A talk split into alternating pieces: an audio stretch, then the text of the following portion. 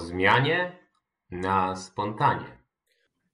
Cześć, witamy Was serdecznie po dosyć długiej przerwie w naszym podcaście z cyklu o zmianie na spontanie. I w dzisiejszym odcinku chcielibyśmy odpowiedzieć na kilka pytań, które często do nas kierujecie. I te pytania dotyczą szczególnie tego, jak zacząć w rozwoju osobistym, czy ten rozwój to jest w ogóle coś dla mnie, jeżeli już chcę się tym zająć, to właśnie od czego powinienem zacząć, w jaki sposób tutaj e, tą swoją podróż zaplanować, co wyeksplorować na początek e, i tak dalej. I po części my na te pytania odpowiadaliśmy w wcześniejszych odcinkach, ale postanowiliśmy, że nagramy taki dodatkowy odcinek, właśnie ten, którego teraz słuchacie, żeby to trochę zebrać w jednym miejscu i żeby dać taki dobry starter, że tak się wyrażę, dla tych z Was, którzy jeszcze z rozwojem nie mieli do tej pory zbyt wiele wspólnego, a jednocześnie czują z jakiegoś powodu, że być może warto się z tym tematem trochę bardziej zaznajomić, trochę bardziej w niego zagłębić. Więc zacznę może, Paweł, od takiego pierwszego pytania. Po co w ogóle ten rozwój osobisty i jak ktoś ma poznać, czy to dla mnie, czy to jest dla niego? Cześć Piotrek, dzięki za pytanie i cześć wszystkim. Po, tak jak Piotrek wspomniał, po przerwie wracamy właśnie z tym odcinkiem, żeby podzielić się naszymi takimi spostrzeżeniami lub tym, co najczęściej się pojawia, albo coś, co było jeszcze niejasne w poprzednich odcinkach. I co prawda mówiliśmy dużo o samym rozwoju stricte przez każdy odcinek i dogłębnie wchodziliśmy w różne tematy. Natomiast e, odpowiadając dzisiaj, postaramy się przejść właśnie przez, przez, przez to, gdzie są takie sticking pointy, albo co jeszcze jest niezrozumiałe, jak to zdefiniować. I zaczynając właśnie od tego, o co mnie zapytałeś, czyli czym rozwój jest, albo po co on w ogóle nam jest, uważam, że w ogóle trudność odpowiadania na takie pytania jest, y, polega na tym, że jest mnogość odpowiedzi, które można dać, więc to jak ja przynajmniej patrzę na swój rozwój, albo na to, kto najwięcej skorzysta z rozwoju lub kto nie korzysta, że dla mnie rozwój jest na dzień dzisiejszy zbiorem różnego rodzaju strategii, technik mm, i perspektyw, które pozwalają mi kreować świadomie swoje życie, czyli mogę je tworzyć w taki sposób, w jaki ja bym chciał i uważam, że to jest coś, co łączy nas wszystkich ludzi w jedno, czyli na pewnym etapie dochodzimy do momentu, kiedy chcemy stworzyć jakoś nasze życie, ukształtować je tak, żeby żyć w zgodzie z sobą i z otoczeniem i żeby osiągać w nim takie rezultaty, które, które sami byśmy chcieli, no i co się okazuje, to że na pewnym etapie nie jest to wcale takie proste, czyli o tyle, jak ja zaczynałem swoją przygodę w rozwoju, to nie do końca wiedziałem, czego chcę i tą funkcję spełniał mi rozwój, czyli po pierwsze pozwolił mi odnaleźć trochę siebie w takim sensie, że odkryć i podoświadczać pewnych rzeczy, które pozwoliły mi zdefiniować, czego ja w ogóle w życiu chcę i w którym kierunku podążam. E, I gdy już to zrobiłem, to okazało się, że, w, że tworzenie tego życia w taki sposób, jak ja bym chciał je stworzyć, wcale nie jest takie proste. Czyli na tej drodze pojawiało się, pojawiał się szereg trudności. E, po pierwsze, brak wiedzy e, dotyczącej tego, jak coś zrobić. E, po dwa, pewne przekonania, które, w które wierzyłem, że nie jestem zdolny, żeby coś zrobić, ponieważ wierzyłem na bazie poprzednich doświadczeń to, że nie jestem w stanie tego zrobić. Jak również pewne konteksty mojego życia, które zupełnie bym powiedział nie działały, czyli były na etapie tam, gdzie chciałbym być, dysfunkcyjne. Więc można powiedzieć, że rozwój to jest duże słowo, jest wokół niego bardzo wiele mitów i uproszczeń. Natomiast z takiej perspektywy, jak ja bym miał ją dać, jest to po prostu szereg strategii i narzędzi pozwalających świadomie kreować nasze życie e, i pozwalających mieć satysfakcję z tego życia. Więc jeżeli ktoś ma satysfakcję z życia dzisiaj, to prawdopodobnie nie będzie go ciągnąć do rozwoju, nie będzie chciał e, w taki typowy dla rozwoju osobistego, nazwałbym to kierunku, nie będzie chciał się w tym kierunku rozwijać, bardziej będzie to jakiś rozwój ukierunkowany w aspekcie na przykład jego pracy lub tego, co e, robi. Natomiast biorąc pod uwagę e, taki tło tego, co się dzieje, jakby to, to jak wygląda nasze pokolenie, jeżeli chodzi też o Polskę, to uważam, że kolektywnie, oczywiście generalizując, jest tam jakby szereg problemów, które wynikają z tego, w jaki sposób nasza psychika, nasza osobowość została ukształtowana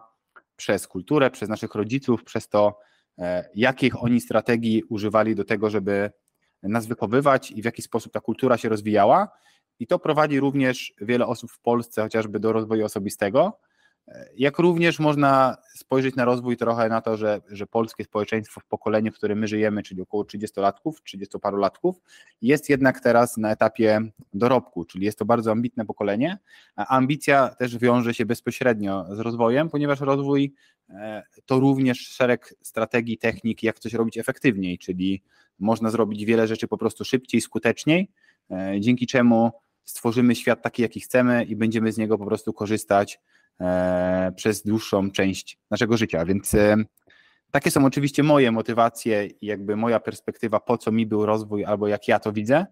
E, natomiast mówię, jest to dość ogólne pytanie i oczywiście odbijam je do ciebie, bo, bo to jest właśnie fajne, że mamy różne mapy i ty prawdopodobnie podasz jakieś inne motywacje, które, które sprawiają, że, że jesteś w rozwoju i co uważasz za sensowne, żeby ten rozwój istniał w naszym życiu. Mhm, jasne. Znaczy ja na pewno się zgadzam z tym, co ty mówisz i myślę, że to jeszcze sobie później troszkę poruszymy, bo to jest ważne, ten kontekst kulturowy. Natomiast y, jakby tak dać mm, od mojej strony jakąś bardziej, bardzo taką konkretną radę, bo ty powiedziałeś o tym na poziomie, czuję takim ogólnym i to jest y, totalnie okej. Okay. Jakby ja od swojej strony powiem, że jakbym chciał też na takim ogólnym poziomie powiedzieć, to na pewno bym sam tego lepiej nie powiedział, Natomiast gdybym miał dać jakieś takie bardziej już e, namacalne wskazówki komuś, e, kto, kto chce to jakby zacząć i właśnie robić te wszystkie rzeczy, o których ty wspomniałeś, żeby życiu nadawać jakiś taki swój bardziej konkretny kierunek, to zacząłbym od jakby dwóch stron.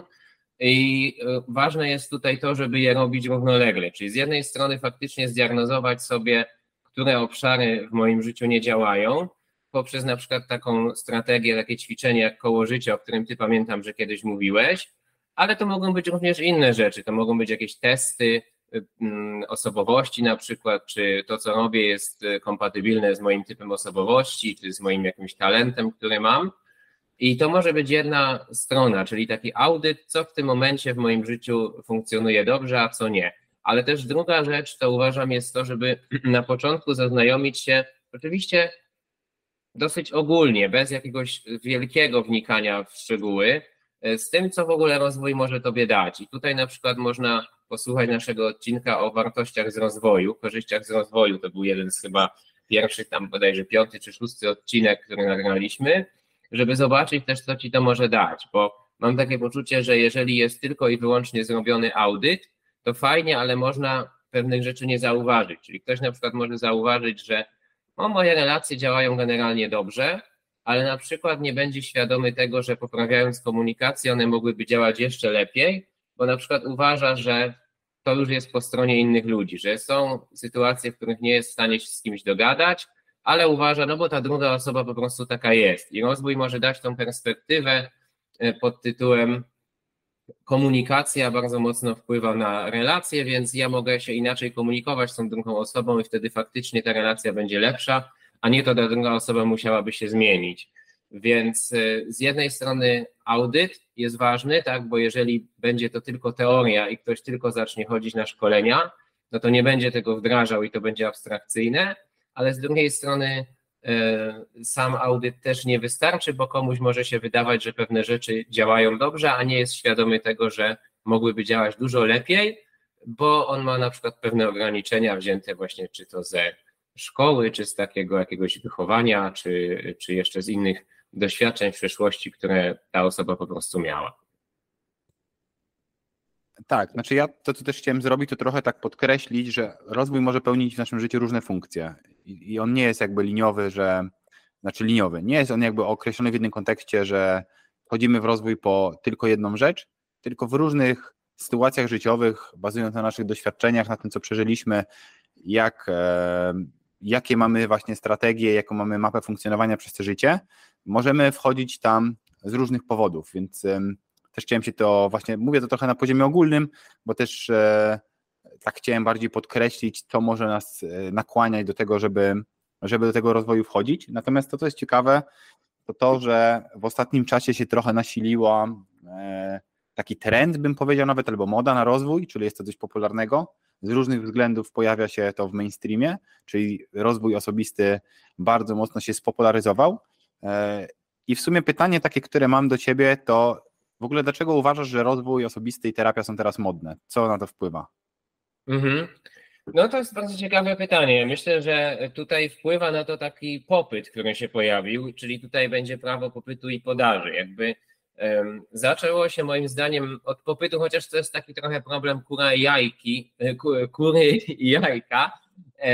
ale no jakby uważam, że popyt tutaj bardziej zadecydował, że dużo osób zauważyło, że mamy powiedzmy względny dobrobyt. Oczywiście osoby, które teraz mają problemy w biznesie, czy, czy dotyka ich w szczególny sposób inflacja i tak dalej, no może by się z tym nie zgodziły, ale dalej uważam, że jakby porównać na przykład to, co jest w tej chwili, e, a to, co na przykład było w pokoleniu naszych dziadków, kiedy nasi dziadkowie byli w naszym wieku, to pewnie każdy z e, tych dziadków by się zgodził z tym, że to, co teraz jest, no można nazwać takim względnym dobrobytem. I mimo tego dużo ludzi dochodzi do wniosku, że mimo y, zewnętrznych, pozytywnych okoliczności nie są w stanie być szczęśliwi. A z drugiej strony, jeżeli weźmiemy pod uwagę te właśnie trudności ostatnich lat, czy to pandemia, czy właśnie inflacja, kryzys i tak dalej, no to też to potęguje problemy, jakie ludzie mają i widzą, że te problemy, ok, one wynikają może po części z zewnętrznych okoliczności, ale jest ten solidny komponent, czy istotny komponent w tym, taki właśnie wewnętrzny, czyli to, że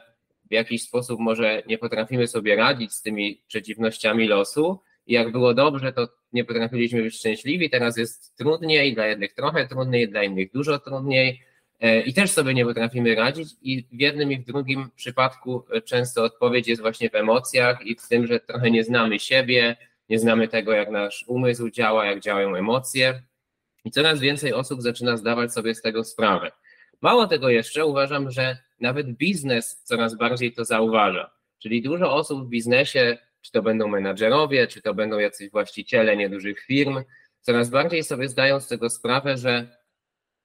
wydajny zespół to już nie jest taki zespół, który jest złożony z samych gwiazd, które na przykład świetnie ogarniają temat, w którym są zatrudnione, czyli to na przykład mogą być programiści, testerzy, menedżerowie projektów i tak dalej, tylko tutaj coraz większe znaczenie ma na przykład komunikacja w tym zespole. Czy ci ludzie są zmotywowani, czy tam nie ma jakiejś y, podziemnej komunikacji, gdzie niby na poziomie służbowym wszystko jest ok, ale pod spodem gdzieś tam prywatnie ludzie siebie obgadują, ludzie są chętni do pomocy, czy wychodzą z własną inicjatywą, czy radzą sobie dobrze ze stresem i tak dalej, i tak dalej. I ludzie coraz bardziej widzą, że to się przekłada na pieniądze po prostu. Bo jeżeli ten zespół nie jest, nie ma tych wszystkich właśnie cech, o których powiedziałem i ludzie sobie nie radzą, to nieważne ilu dobrych programistów na przykład dołożymy, to ten zespół dalej nie będzie sobie radził. Więc już mniej jest stawiane na takie tylko umiejętności techniczne, a coraz bardziej zwraca się uwagę też w biznesie na te umiejętności miękkie. No i teraz to generuje olbrzymi popyt, w związku z czym, jak to na rynku, pojawia się podaż, bo ludzie widząc popyt stwierdzają, ok, jest duży popyt, więc można łatwo w miarę zarobić, no bo nie ma dużej konkurencji, jest dużo klientów, a przez to, że mamy media społecznościowe, czy nawet szerzej mówiąc internet, no to ta podaż może łatwo się pojawić. I to generuje moim zdaniem lwią część tej mody, o której wspomniałeś, właśnie na, na pracę w rozwoju osobistym, a wręcz e, nawet czasami schodzi to już na poziom terapeutyczny, gdzie jest po prostu głęboka praca z emocjami, czasami z przeszłością, z historią, może z dzieciństwem, bo coraz więcej osób jednak zdaje sobie z tego sprawę, że jest istotne połączenie pomiędzy tym, jak się zachowujemy dzisiaj, a tym, co było w przeszłości chociażby, i w jaki sposób nasza umiejętność radzenia sobie, relacjonowania się, nawet lepiej tak powiedzieć, z emocjami, wpływa na to, jaki mamy ten poziom szczęścia i na ile jesteśmy faktycznie w stanie kształtować siebie według tego, jak chcemy to robić. Także ja to widzę w taki sposób, ale też y, jestem ciekaw Twojego zdania. Znaczy fajne, że to powiedziałeś. Ja może się skupię bardziej na tej części um, takiej negatywnej, co za tym idzie, że teraz to jest modne. Natomiast to, co ty powiedziałeś od strony pozytywnej, to zgadzam się. Trochę mi się to właśnie łączy z tym, że teraz jesteśmy takim społeczeństwem jako Polska, oczywiście mówię, natomiast nagrywamy po polsku, więc zakładam, że słuchają nas głównie Polacy, e, że jest to społeczeństwo, które jest bardzo ambitne, czyli przez to, że też jesteśmy tak ukształtowani i trochę jesteśmy na dorobku, to też jakby po części kształtuje potrzebę na rozwój. Podobnie jak społeczeństwo amerykańskie. W ogóle uważam, że teraz e, jakby zmienił się trochę jakby zmieniło się trochę możliwości, które były kiedyś, czyli kiedyś ktoś się rodził w jakimś, e, w jakimś settingu, w jakiejś rodzinie, był kształtowany i tak naprawdę nie miał za dużo możliwości, tylko od dziecka już był kształtowany, w jakim zawodzie będzie pracować, jak będzie wyglądało jego życie. Natomiast przez to, że otworzyło się też e, szereg możliwości dotyczących właśnie kształtowania swojego życia, można dzisiaj podróżować, można w miarę łatwo się przebranżowić, zmienić pracę, można wyjeżdżać do innych krajów, pracować, można pracować zdalnie, jakby jest dużo więcej możliwości, przy, które sprzyjają, uważam, dla rozwoju, ponieważ na pewnym poziomie rozwój albo osoby, które będą proaktywnie się rozwijały i będą posiadały pewne narzędzia, będą w stanie szybciej adoptować się do rzeczywistości. Co to znaczy, że będą na przykład w stanie szybciej się przebranżowić, będą w stanie szybciej nauczyć czegoś nowego, ponieważ będą wiedziały, na czym polega metodologia uczenia się. I to też bardzo sprzyja, uważam, temu, że jest moda na rozwój. Drugi czynnik, właśnie ten, który już bardziej widzę pod kątem negatywnym, jest to, że duża część społeczeństwa przemigrowała do online'u po prostu i, i, i dostęp do informacji i dostęp do tego, żeby e, na przykład się tym zajmować, jest dzisiaj dużo prostszy, czyli wystarczy mieć kamerę, wystarczy w domu zmontować sobie mini studio, tak zresztą jak my teraz robimy i szczerze mówiąc na pewnym poziomie są bardzo niskie kryteria wejścia, uważam, do rozwoju, czyli jest to, nie jest to na przykład branża jak lekarz, czyli żeby zostać lekarzem lub prawnikiem trzeba skończyć studia, jest to 5 lat inwestycji czasu, trzeba się uczyć, zdobyć pewne uprawnienia i to robić. Tylko szczerze mówiąc, żeby dzisiaj zająć się rozwojem, to dla większości społeczeństwa, która jest nieświadoma, jak to działa, wystarczy mieć kamerę, trochę charyzmy i mikrofon i można się tym rozwojem zajmować. I to też tworzy pewnego rodzaju, tak jak powiedzieć, stworzył się popyt, a to też tworzy pewnego rodzaju model biznesowy, który jest dość atrakcyjny, uważam, dla wielu osób, bo po prostu e, jeżeli umieją w jakiś sposób prezentować różne rzeczy, to mało kto będzie w stanie ich zweryfikować i mogą się w tej niszy pojawić, w tym sektorze pojawić i będą po prostu e, w jakiś sposób zarabiali na tym pieniądze, co też uważam, że działa zwrotnie, czyli po pierwsze pojawia się popyt z strony e, od strony klientów, ludzi, że oni widzą, że ich życie może wyglądać inaczej i mogą je kształtować, tak z drugiej strony uważam, że również jest podaż pod kątem e, potencjalnych trenerów, influencerów, tak to nazwijmy, e, i to, co mnie ciekawi z Twojej perspektywy, to czy Ty słuchasz w ogóle influencerów rozwojowych, albo może jakby znając Ciebie, to wiem, że to nie jest dobre pytanie, albo bardziej jak Ty się na to zapatrujesz? Czy uważasz, że to jest dobre, że pojawia się tylu influencerów i osób zajmujących się rozwojem, czy uważasz to za pewnego rodzaju, może nie nawet patologii, ale za coś, co jest nie do końca dobre dla, dla tej branży? Że uważam, że to jest e, trudne pytanie, bo to ma dobre i złe strony. Zresztą też czuję, że z Twojej wypowiedzi w jakiś sposób to też przebija, że właśnie to ma te dobre i złe strony. No i tutaj na pewno dobrą stroną jest to, e, to co zauważyłeś, że to tworzy pewne sprzężenie zwrotne właśnie, czyli z jednej strony mamy ten, tą podaż, ale ona generuje jeszcze więcej popytu, no bo to się popularyzuje, więc ludzie zaczynają gdzieś tam o tym rozmawiać i jeszcze więcej ludzi się dowiaduje. I dobre jest na pewno to, że wiele osób mogłoby bardzo skorzystać z rozwoju, to często z jakichś takich bardzo prostych rzeczy, typu na przykład nauczyć się tego, że można stawiać jakieś granice. Oczywiście dla wielu osób może to być trudna praca, na wiele miesięcy nawet, ale że w ogóle można to robić, że w ogóle można wyjść trochę z tych wzorców, które się miało wcześniej względem na przykład uległości czy dominacji nad innymi ludźmi, zbudować te relacje inaczej i żyć inaczej. I to jest y, tylko jeden przykład, można mnóstwo tutaj innych podać, gdzie ludzie nie są świadomi, że coś można zrobić, i dzięki temu, że to jest popularne, to jest większa szansa, że, że do nich to dotrze. Natomiast ma to tą negatywną stronę w postaci takiej, że właśnie, tak jak wspomniałeś, to przebranżowienie jest dla takich osób często proste. Znaczy, proste to jest y, dobre pytanie, bo na pewno prostsze jest niż było kiedyś, ale y, i, i niż w innych zawodach, takich jak lekarz, to 100% się z tym zgadzam. Natomiast właśnie pytanie, kiedy się rzeczywiście ktoś przebranżowił, bo czasami, jeżeli ktoś ma ten mikrofon i ma trochę charyzmy, i uważa, że jest trenerem rozwoju, y, czy, czy tym bardziej jakimś terapeutą, no to tak naprawdę y, pytanie, kto o tym decyduje? Czy to nie jest często tak, że sobie gdzieś tam sam to przypisał? I teraz ja nie twierdzę, że każdy, kto pomaga ludziom, musi skończyć wieloletnie studia, a potem jakieś nie wiadomo jaką liczbę kursów i, i przejść przez różne certyfikacje bo ja na przykład mam doświadczenia z osobami, które mnie, mnie bardzo pomogły, a one nie miały zbyt wielu szkół, więc uważam, że to nie jest może konieczne, ale jednak tworzy to pewne ryzyko, że ktoś po prostu właśnie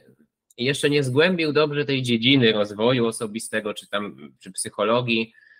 czy na przykład sprzedaży, w zależności od tego, jaki to będzie trener,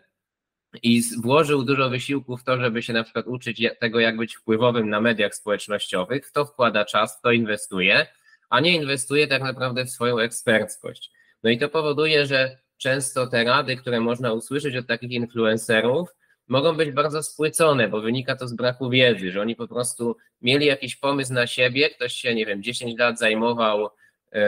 no czymkolwiek, nie chcę dawać jakichś przykładów, żeby kogoś y, nie dotknąć, jakoś nie, nie, nie urazić, w sensie takim, że uważam, że wszystkie prace, dopóki służą społeczeństwu, są ok, ale zajmował się załóżmy jakąkolwiek pracą, która nie była totalnie związana z rozwojem, nigdy się tym nie interesował i nagle chce być takim influencerem, no to często jakość tej wiedzy, którą będzie dawał, nie będzie zbyt wysoka. I jeszcze pół biedy, kiedy by było to tak, że daje podstawy i mówi, że to są podstawy, ale niestety dużo osób daje, albo przynajmniej stara się dawać wiedzę, która jest z obszaru dużo dalszego niż tak naprawdę oni są w tej podróży. Czyli ktoś się na przykład rok zajmuje rozwojem, a zaczyna wchodzić w bardzo, bardzo głębokie sprawy, gdzie jest już większa złożoność, gdzie trzeba uwzględnić różne aspekty, takie jak to, czy te osoby są w ogóle gotowe usłyszeć pewne rzeczy, czy nie mają jakichś mechanizmów obronnych, czy jest zapewnione im bezpieczeństwo i tak dalej. No i ten brak wiedzy czasami powoduje, że te rady od influencerów, które możemy usłyszeć, są w najlepszym wypadku nieskuteczne, ale mogą być też szkodliwe. A jeszcze gorsza sytuacja jest, i to mówiliśmy o tym w, roz, w podcaście o, o patologiach rozwoju, kiedy taka osoba tak naprawdę ma swoje mocne jakieś schematy nieprzepracowane. Szczególnym przypadkiem jest według mnie narcyzm, i to u wielu influencerów widać. I zamiast przepracować ten narcyzm, to podpinają go pod ten swój przekaz, dając ludziom bardzo często złe rady w postaci takiej, że na przykład mają sobie o sobie samym myśleć, że są fenomenalni, fantastyczni i najlepsi. Jeżeli ktoś to neguje i kwestionuje, to jest toksyczny i trzeba z nim zerwać relacje. I niestety są osoby, które idą za radami takich influencerów, ponosząc olbrzymi koszt socjalny i tak naprawdę na, długi, na dłuższą metę, w długim terminie czyniąc się nieszczęśliwymi. Więc widzę tutaj sporo niebezpieczeństw, ale też jestem ciekawy, jak to, e, jak, jak, jak ty to widzisz. Znaczy, jeżeli chodzi w ogóle nawet o błędy albo o to, czy słuchać, no to ja już na tym etapie raczej nie słucham, bo już mam stworzony pewien, stworzoną mam pewną mapę, że po prostu wiem kogo słuchać, więc nazwijmy to, że nie szukam, już nie nazwał te osoby influencerami, chociaż jakbyśmy zdefiniowali influencera jako kogoś, kto ma jakąś grupę, która go słucha i ta grupa jest na nie podjąć decyzję pod wpływem tej osoby, to na pewno to też byłyby, byliby influencerzy, natomiast są to osoby, które ja już zweryfikowałem i one pasują do tego, gdzie ja chcę być, czyli do, do mojej drogi. To, co ty też fajnie powiedziałeś, to to, że dzisiaj jest trochę tak, że dla niektórych osób mając internet, e, wystarczy właśnie inwestować w charyzmę i w to, żeby ten przekaz był perswazyjny, żeby przebić się na pewnym poziomie, czyli mało kto na poziomie początkującym będzie w stanie zweryfikować, czy ta osoba ma rację, czy nie. A drugi czynnik, który też tutaj bardzo z tym koreluje, jest to, że jednak jest trochę kult dzisiaj osiągania, czyli ten, kto ma więcej pod wpływem materialnym, z jakichś względów przez dużą część społeczeństwa będzie postrzegany jako bardziej wartościowy, czyli jest to robione takie zniekształcenie, które też nam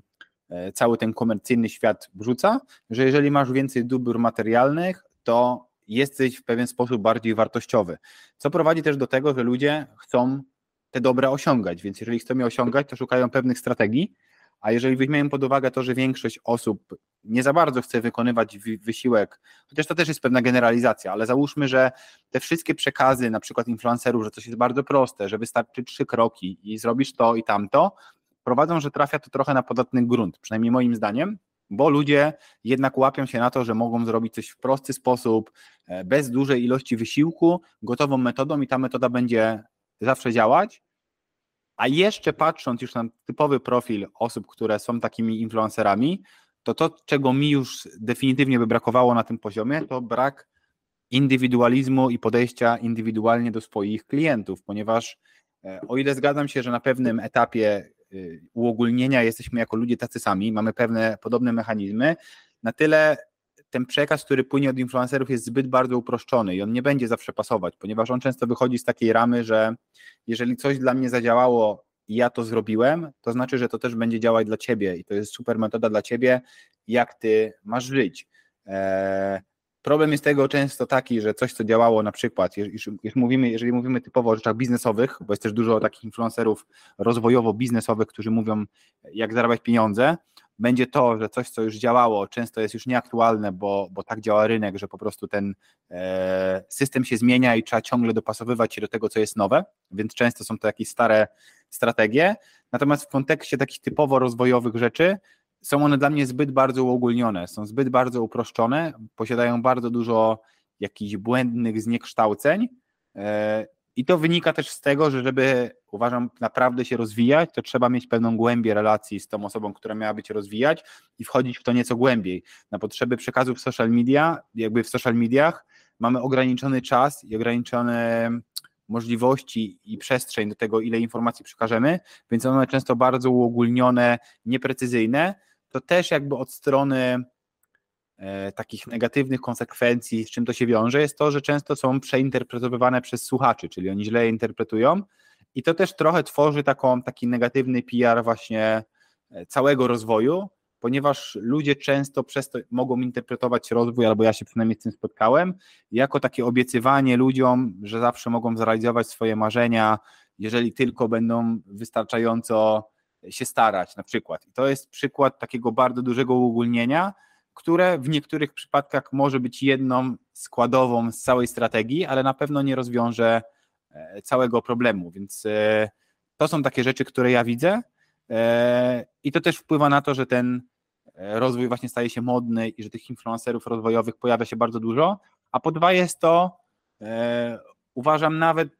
z perspektywy finansowej dla nich dobry model biznesowy. Nie pamiętam, czy o tym wspomnieliśmy w jednym z podcastów, natomiast uważam, że jak ktoś się zajmuje rozwojem już jako terapeuta, czy chce iść to poważnie, musi bardzo też e, pilnować swojego, swojej osobowości, sprawdzać, czy tam wszystko jest przepracowane, e, albo mieć przynajmniej świadomość, co nie jest, żeby właśnie tak jak ty powiedziałeś, tego nie wyrzucać, bo istotny będzie bardzo czynnik tego, że tutaj można naprawdę tylko iść e, z perspektywy charyzmy i trafi się na to jakby podatny grunt, który to e, przyciągnie, a wiele osób tego nie robi. Robi to też dla atencji, żeby samemu coś pomyśleć o sobie, ponieważ jeżeli mamy publikę, to, to pozwala definiować w jakiś sposób tą osobowość. I jeżeli dodatkowo trafią się jeszcze osoby, które będą w stanie za to zapłacić, to tworzy się z tego całkiem dobry e, biznes, który warto by było odróżnić od takiego e, prawdziwego rozwoju. Natomiast kontynuując ten wątek, to też jeszcze dopytałbym Cię, Jakie ty jeszcze widzisz e, błędy, jeżeli chodzi o, o taki mainstreamowy rozwój? No tak to po prostu nazwę. Mhm. Jasne. No, najpierw może odwołałbym się do tego, co ty powiedziałeś na końcu wypowiedzi, bo to jest też ciekawe. To w ogóle jest ciekawe zjawisko, jako takie do obserwacji, że często są jakieś problemy ludzi, które można by było rozwiązać poprzez właśnie zaangażowanie się w rozwój osobisty i być może później dalej e, w terapię. I to mogą być takie rzeczy chociażby jak właśnie życzeniowe myślenie, e, albo jak narcyzm, albo jak próba jakiejś manipulacji wszystkimi dookoła, żeby sobie skompensować jakieś e, braki. I weźmy po kolei nawet takie życzeniowe myślenie, to często jest sytuacja, w której ktoś sam chciałby wierzyć w to, że jest w stanie wszystko osiągnąć, zmienić się bardzo małym wysiłkiem i mm, no nie ma żadnych ograniczeń. I tak naprawdę to jest element do pracy, czyli mógłby przyjść z tym do terapeuty i popracować z tym, dlaczego on musi sobie takie rzeczy wmawiać, a rzeczywistość tego wcale nie odzwierciedla, czy nie mógłby po prostu zaakceptować, że proces zmiany trochę musi trwać i nie jest to takie um, hop po prostu. Druga rzecz, na przykład narcyzm, no to też ktoś mógłby pójść do terapeuty i przepracować to, że narcyzm jest tak naprawdę zniewoleniem, o czym myślę, że kiedyś sobie możemy powiedzieć w jednym z podcastów, bo to też jest ciekawe jako szerszy temat, w ogóle narcyzm, ale też jest to taki temat do pracy, czy jakaś chęć manipulowania światem i kontrolowania wszystkiego, bo ktoś na przykład czuje, że nie jest w stanie bez tego uzyskać tego, czego pragnie, no to też jest to element do pracy i w rozwoju można by się było nauczyć, jak można na zasadzie win-win budować różne relacje z ludźmi. Ale zamiast y, y, ci influencerzy dawać rozwiązania na te problemy, czyli naświetlać to, że na przykład życzeniowe myślenie, narcyzm, czy próba manipulacji, czy jeszcze inne rzeczy, to jest problem i da się to przepracować, żeby z tego wyjść, to wykorzystują te problemy ludzkie, żeby coś sprzedać. Czyli na przykład wykorzystują to, żeby ludziom sprzedać mm, coś, co rezonuje z życzeniowym myśleniem, czyli kurs pod tytułem powiedzmy, że y, milioner w miesiąc, nie? Albo coś, co rezonuje z narcyzmem, czyli na przykład stwarzają jakieś środowisko, w którym ludzie się czują lepsi od innych i tak dalej, i tak dalej. Więc myślę, że to na pewno jest jakaś taka patologia, że zamiast rozwiązywać problemy, to oni wykorzystując, że ludzie mają te problemy, tworzą sobie kanały sprzedaży. No i myślę, że jednym z takich problemów jest też błędne rozumienie pewnych rzeczy. Czyli są na przykład dobre koncepty, które warto mm, popularyzować i nad którymi warto pracować, chociażby takie jak stawianie granic. I uważam, że wielu z nas tego nie potrafi. Mogą, możemy się tego nauczyć w rozwoju czy na grupach terapeutycznych, ale problem jaki jest, to to, że influencerzy czasami y, idą z tym zupełnie w złą stronę. Nawet nie chcę powiedzieć, że za daleko, bo to nie jest nawet, że za daleko, tylko po prostu kompletnie złą stronę, że na przykład mówią o tym, że trzeba wszystkich toksycznych ludzi od siebie odciąć i po prostu być bardzo, bardzo twardym. Jak ktoś cię krytykuje, to trzeba go natychmiast odciąć, bo on cię ściąga w dół. Podczas gdy to jest ogromne uogólnienie. I tak, stawianie granic jest dobre, ale pytanie, czy ta druga osoba na pewno mnie po to krytykuje, żeby mnie ściągnąć w dół. Może ona ma mi coś ważnego do powiedzenia, może ta krytyka mogłaby mnie wesprzeć. A może ta osoba jest ogólnie dobra dla mnie, ale ma jakiś schemat, y, którym na przykład się komunikuje y, niezbyt zdrowo podczas y, wyrażania krytyki i można by tej osobie po prostu o tym powiedzieć. I na tym też między innymi polega proces wyznaczania granic, a nie na tym, żeby się odcinać od wszystkich i stwierdzać jeszcze w dodatku, dorabiając do tego ideologię, ja jestem lepszy, oni są toksyczni i ciągną mnie w dół. Więc uważam, że wiele dobrych konceptów zostało spłyconych, i podciągniętych pod to, żeby tak naprawdę nie skonfrontować się z samym sobą, tylko problem, który jest i jakiś nawet dobry koncept na tyle spłycić, żeby go wykorzystać de facto w złym celu, w celu wzmacniania negatywnego, toksycznego schematu, który się ma, a nie w celu osłabienia go i docelowo e, rozwiązania. Tak może być z innymi rzeczami typu pozytywne myślenie, nie chcę się już tutaj za bardzo rozgadywać, bo mógłbym wiele podać przykładów, ale myślę, że jest sporo takich rzeczy, które można usłyszeć e, od, od e, tych influencerów. No i na pewno trzeba na to uważać, żeby zobaczyć, czy to po prostu e, naprawdę jest spójne jakoś wewnętrznie, czy to, czy to już zaczyna prowadzić do, do dysfunkcji. Jest to takie trochę ustawianie świata pod siebie. Bo ja na przykład jestem na to mocno wyczulony, że jak ktoś by mnie uczył takiego ustawiania świata pod siebie, a wszyscy inni są gorsi, jak ktoś nie chce się w ten model wpasować, to jest gorszy i trzeba się od niego odciąć, no to od razu mi się zapala taka lampka. I w związku z tym też kierowałbym do Ciebie takie pytanie, to co możemy właśnie robić, żeby odróżnić takich influencerów jednych od drugich, czy no wartościowe treści od, od szkodliwych i w jaki sposób to weryfikować? Czy w ogóle jeszcze do tego, co ty powiedziałeś, to jedną właśnie z pierwszych rzeczy, która tu mi się pojawia, to jest, co jest trochę takie klisze, ale w rozwoju, jak ktoś się zaangażuje, uważam, na większym poziomie, to wiele rzeczy będzie, na wiele rzeczy będzie odpowiedź, że to zależy. Ponieważ nawet ten przykład, który podaje z wyznaczaniem granic, z odcinaniem toksycznych relacji, to też tutaj trzeba by zdefiniować toksyczną relację, ponieważ wiele ludzi będzie miało jednak tendencję na podstawowym poziomie, żeby wrzucać w te etykiety pewną grupę ludzi. I czasem na przykład nie wiem, jesteśmy w pracy, gdzie szef od nas czegoś wymaga i on nie wymaga dla swojego na przykład e, kaprysu, tylko wymaga, bo to jest faktycznie potrzebne, albo wręcz jeżeli osoba coś zrobi, to będzie bardziej efektywna w przyszłości, będzie miała lepsze umiejętności, jakby dzięki temu, że coś zrobi, wzrośnie. No i teraz, jeżeli ktoś do kogo taka, tak, taki przełożony tak powiedział, ma schemat, że on nie, nie, na przykład ma problem z tym, że chce być zbyt bardzo autonomiczny, że on nie będzie słuchać tego, co inni do niego mówią, to problemem nie jest to, że on sobie zakwalifikuje swojego szefa jako osobę toksyczną i nie będzie z nim rozmawiać, tylko na przykład problemem może być to, że w niektórych kontekstach warto słuchać innych ludzi e, i trochę zrobić taki stretch pod kątem tego, gdzie stawiamy sobie wyzwania. To jest oczywiście e, kontekst, dlatego uważałbym przede wszystkim na takie gotowe reguły, które są rzucane w absolucie i miałyby dotyczyć wszystkich możliwych kontekstów. Na przykład zawsze odcinaj toksycznych ludzi, zawsze musisz być taki, bo jeżeli patrzymy na to jako, na, jako świadome jednostki, to dochodzimy zazwyczaj do takiego poziomu, gdzie uważamy, że wiele rzeczy jest względnych i warto raczej mieć cały arsenał zasobów i używać ich w zależności od kontekstu, niż e, patrzeć na to czarno-biało i za każdym możliwym razem zachowywać się w określony sposób. Druga rzecz, którą, na którą zwróciłbym uwagę, jakbym był oczywiście początkującym i zaczynał, to czy ta osoba, która mówi, faktycznie ona rozumie mój problem i czy jeżeli chciałbym ją dopytać o pewne rzeczy związane z tym problemem albo poruszył jakieś takie drażliwe kwestie, to będzie w stanie nawiązać ze mną dialog i porozmawiać. Czy raczej właśnie rzuca takie frazesy e, i będzie starała się odbijać piłeczkę, żeby w te tematy nie brnąć, e, przerzucając to, że nie wiem, że nie jestem jeszcze gotowy, żeby coś zrozumieć i tak dalej. Czyli raczej e, byłaby to pewna maska, która ma coś sprzedać, albo patrzyłbym na to tak, że to jest pewna maska, która chce mi coś sprzedać, natomiast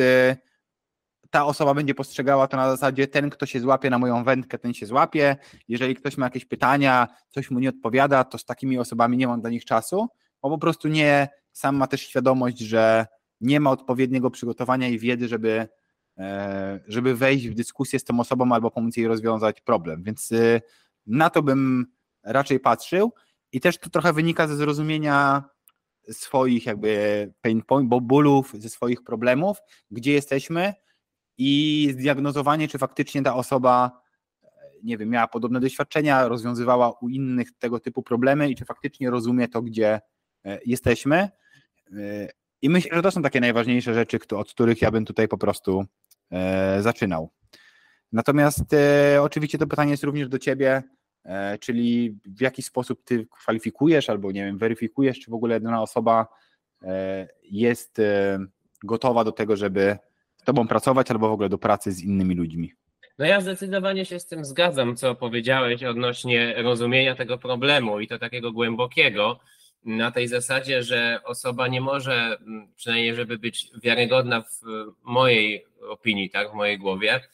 to nie może robić czegoś takiego, że odbija jakimiś takimi banalnymi tekstami moje pytania, jeżeli mam jakieś problemy na tej drodze. Czyli na przykład jakbym pracował z kimś i ktoś by mi powiedział, że no na przykład, żeby pracować nad wystąpieniami publicznymi, akurat nie mam nad, z tym problemu, ale załóżmy, żeby miał lęk przed wystąpieniami publicznymi, jakiś paniczny i ktoś by mi powiedział, no ale musisz się jakoś tam przełamywać, żeby to robić, no bo musisz zdobyć doświadczenie, że to tak naprawdę nie jest nic groźnego, ale na przykład ja bym powiedział, ale wiesz, ja się tak strasznie boję, że ja nawet nie jestem w stanie takiego wystąpienia zorganizować, to co mogę zrobić, tak? I według mnie na przykład ktoś mógłby wtedy powiedzieć, że nie wiem, pobądź sobie z emocjami, albo popracować bardziej poznawczo, czyli co się może negatywnego wydarzyć, albo na przykład jak można zmniejszyć ten poziom trudności, czyli na przykład zrobić wystąpienie online tylko dla dwóch osób. Jest mnóstwo tutaj sposobów. I taka osoba, jeżeli e, widzi, że ja na przykład nie jestem w stanie zrobić tego, co ona mi proponuje,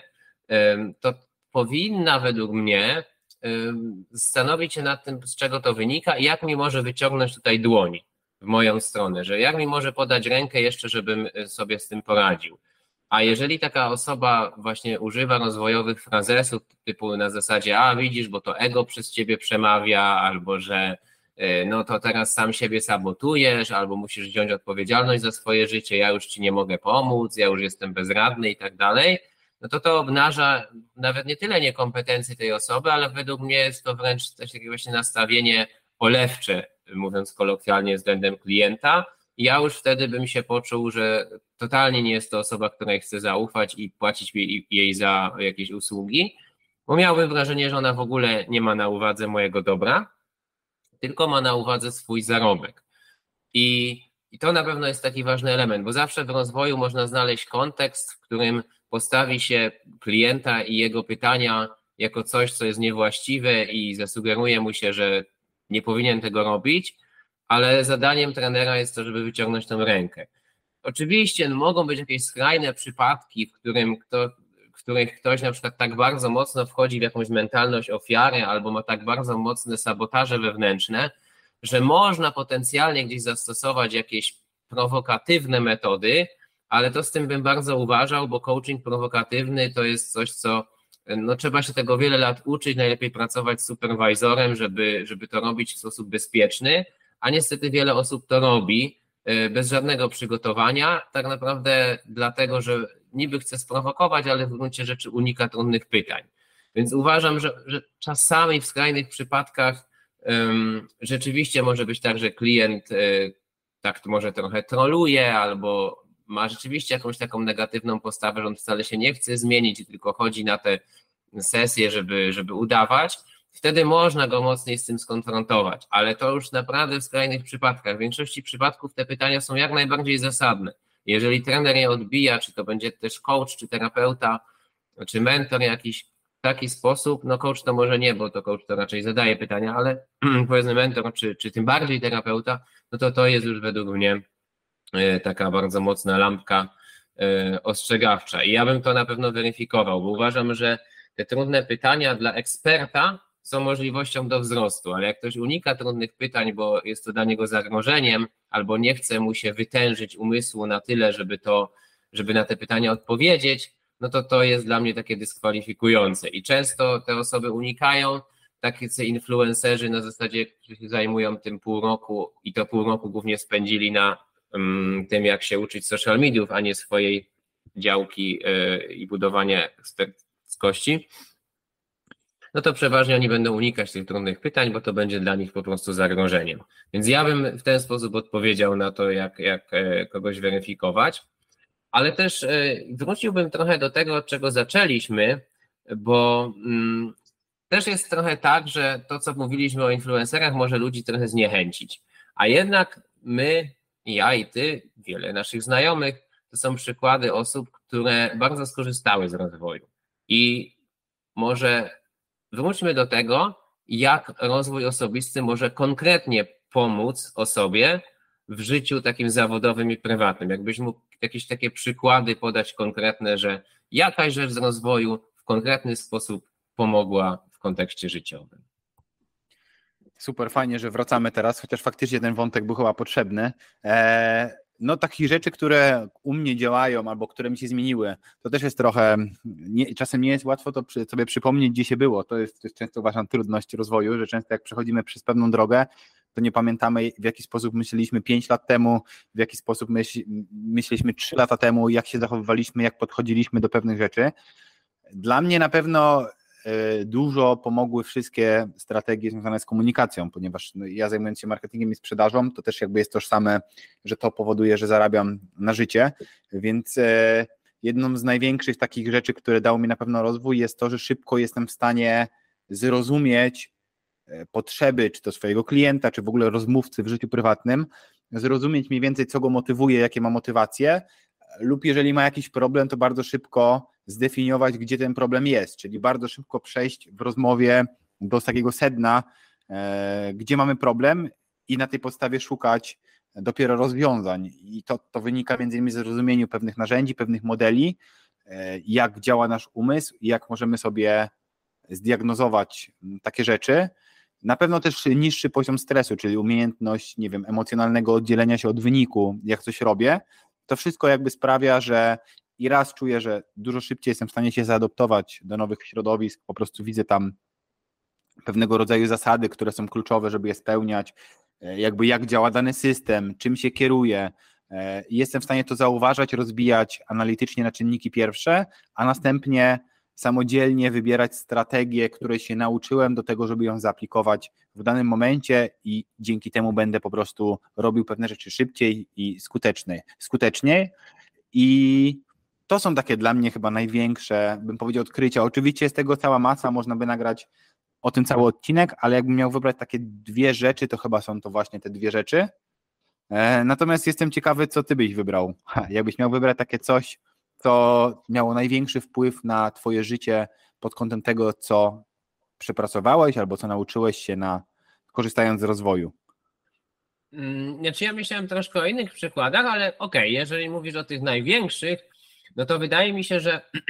bo myślałem, żeby się skupić bardziej na słuchaczach, ale okej, okay, to też zrobimy. Więc odpowiadając na Twoje pytanie najpierw, to moim takim największym osiągnięciem, y, czy jakby największą korzyścią z rozwoju było zrozumienie tego, że y, ja nie jestem swoim obrazem. W ogóle, że ten obraz w głowie jest tworzony bardzo w uproszczony sposób.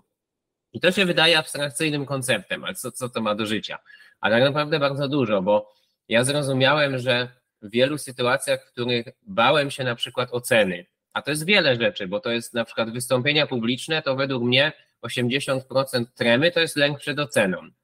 Sytuacje, w których na przykład publikujemy jakieś rzeczy na social mediach, nawet ten podcast, który robimy, ale ja mam przecież jeszcze vloga, piszę czasami jakieś artykuły na LinkedInie, występuję na konferencjach, więc mm, jest sporo tych rzeczy, no to też jest coś, co mnie wystawia w jakiś sposób na ocenę. Ale tak naprawdę ja robiąc to w ogóle o tym nie myślę. Totalnie. Nagrywamy teraz, to w ogóle mi nie powstaje w głowie, teraz o tym mówię, no to powstało, ale normalnie nie myślę o tym, że o Jezu, jak to ludzie ocenią i tak dalej. Co najwyżej myślę, jak możemy bardziej służyć ludziom, jak możemy im bardziej pomóc, ale już nie płynie to z takiego miejsca, że jak ktoś napisze, że to było słabe albo cokolwiek tego typu, to ja pomyślę o sobie źle. I tak naprawdę w, w takich chociażby przypadkach, że jestem w stanie w ogóle to tworzyć i występować dla ludzi, bo nieraz jeżdżę na konferencje i przeważnie to są wystąpienia bezpłatne, e, więc e, robię to tak naprawdę no, po części, żeby budować też markę osobistą, o czym mówiliśmy, ale często to jest miejsce takiego sharingu, że chcę po prostu się też podzielić z ludźmi swoją, swoim spojrzeniem na rozwój i nie byłoby to możliwe, gdybym nie przepracował właśnie tej kwestii, jak powstaje mój obraz siebie i że ocena innych ludzi tak naprawdę nie powinna na niego w dużej mierze wpływać. Ale też e, przejdę do tego, o czym chciałem powiedzieć w kontekście może bardziej problemów słuchaczy, bo też domyślam się, że nie wszyscy mogą mieć takie plany, żeby być w social mediach czy występować publicznie,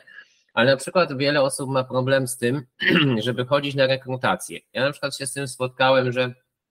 osoba nie chciała chodzić na rekrutację, bo się bała, że zostanie odrzucona. No ale tak naprawdę, no to jeżeli nie pójdziesz, no to ty bardziej nie dostaniesz pracy, więc co to zmienia? A tak przynajmniej dostaniesz feedback. Ale ludzie się bali oceny. I często właśnie na rekrutacji też, jeżeli mamy te umiejętności miękkie, czyli konkretnie mówiąc, takie wyczucie socjalne, umiejętność komunikowania się, też umiejętność radzenia sobie ze stresem, no bo jakby nie patrzeć, dla wielu osób to jest często stres, a czemu jest stres? Ano znowu z tego powodu, że to jest lęk przed oceną. Więc ja na przykład w kilku rekrutacjach,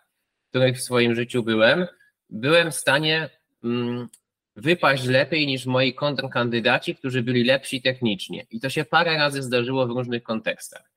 I teraz skąd się to wzięło? Skoro oni byli lepsi technicznie, to dlaczego ja? No bo miałem taki feedback właśnie od osób, które o tym decydowały, że te umiejętności miękkie właśnie, że ja byłem w stanie się, to, to na przykład się często ludziom podobało, że ja byłem w stanie się nie zgodzić z nimi kulturalny sposób, nie wpadając w jakąś złość, ani z drugiej strony nie wpadając w uległość na zasadzie, no niby się, niby się nie zgadzam, ale tak naprawdę to się zgadzam, żebyście tylko źle o mnie nie pomyśleli. Bo tak niestety wiele osób robi. I to są takie przykłady namacalne. Też myślę, że w kontekście um, rodziny dla wielu z nas to może być ważne, żeby,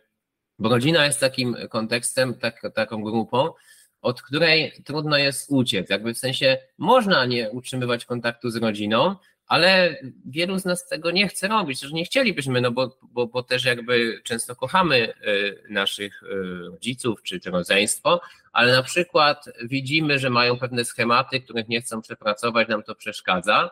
I dzięki temu możemy nie rezygnować z kontekstu y, rodzinnego, a jednocześnie nie dać się zdominować na przykład przez kogoś z jakiejś takiej starszyzny naszej rodzinnej, kto mówi rzeczy i radzi nam rzeczy kompletnie nieadekwatne dla nas, nie obrażając go. Tak naprawdę mieć dobre relacje na przykład z babcią czy z dziadkiem, ale kompletnie nie słuchać ich rad. To są takie praktyczne według mnie kwestie rozwojowe, więc myślę, że tutaj dużo takich rzeczy można by wymienić. A idąc dalej, myślę sobie, bo część tych rzeczy trochę już zahacza o taką pracę terapeutyczną, którą ja też przechodziłem, i zastanawiam się nad tym, jak moglibyśmy też słuchaczom przybliżyć e, taką odpowiedź, czy, czy potrzebują może nie tyle rozwoju osobistego, ale może terapii właśnie, jak tutaj mogą poznać to po sobie. To jest trudne pytanie, natomiast odbiłbym trochę to, co ja sam powiedziałem, od czego zacząłem ten podcast dzisiaj, czyli taka świadoma albo szczera ze sobą ocena tego, gdzie się jest obecnie w życiu i czy na ile to życie, na ile się ma satysfakcję z tego życia, jak również na ile ten kierunek, w którym dzisiaj podążamy,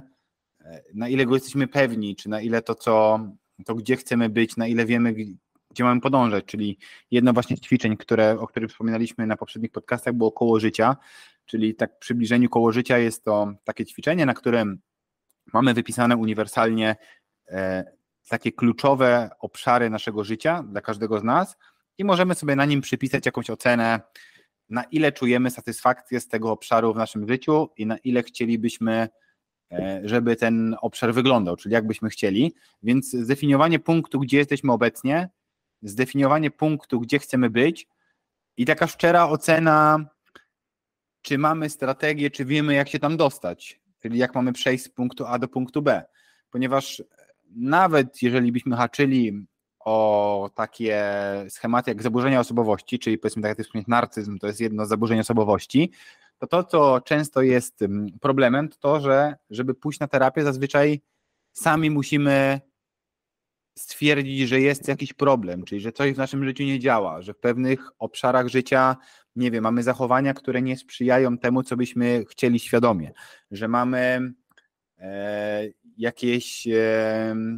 emocjonalne stany, które mogą być w pewnym momencie problematyczne i chcielibyśmy je lepiej zrozumieć, lepiej je poznać, poradzić sobie z nimi w jakiś sposób. I te wszystkie rzeczy to są jakieś takie symptomy, które sprawiają, że taka pomoc kogoś, kto się na tym zna, jest specjalistą, mogłaby być bardzo korzystna. Tak bym ja na to spojrzał, ponieważ e, no, jakby ja nawet ze swojej perspektywy nie czułbym się e, ani odpowiedzialny, ani już nie uważam, że tak jakby przeznaczony do tego, żeby komuś mówić, że ma iść na terapię czy nie. I często, żeby pójść na terapię, trzeba samemu po prostu zrozumieć, że nasze życie wygląda jakoś, jak, jak, jak, jakkolwiek by w obecnym momencie wyglądało, że czasem nie do końca chcemy, żeby to życie tak wyglądało i chcielibyśmy, żeby wyglądało inaczej, lub nawet jeżeli wiemy, e, jak chcielibyśmy, żeby to życie wyglądało, to z jakiegoś względu nie jesteśmy w stanie takiego życia tworzyć. I to są wszystko moim zdaniem takie symptomy, które powinny nas skłaniać do tego, że e, po prostu idąc na terapię będziemy w stanie ten proces przyspieszyć, akcelerować i będzie on dla nas po prostu bardziej bezpieczny z jednej strony, po dwa motywujący i w jakiś sposób efektywny, no i finalnie skuteczny, że nie zmarnujemy tego czasu, tylko że ten czas e, zaowocuje tym, że będą z tego pewne rezultaty. Tak ja przynajmniej patrzę na temat tego, jakbym miał poznać, dlaczego potrzebowałem terapii, co zmotywowało mnie do tego, żeby ją zacząć i, i to wymieniłbym właśnie takie rzeczy. Mhm.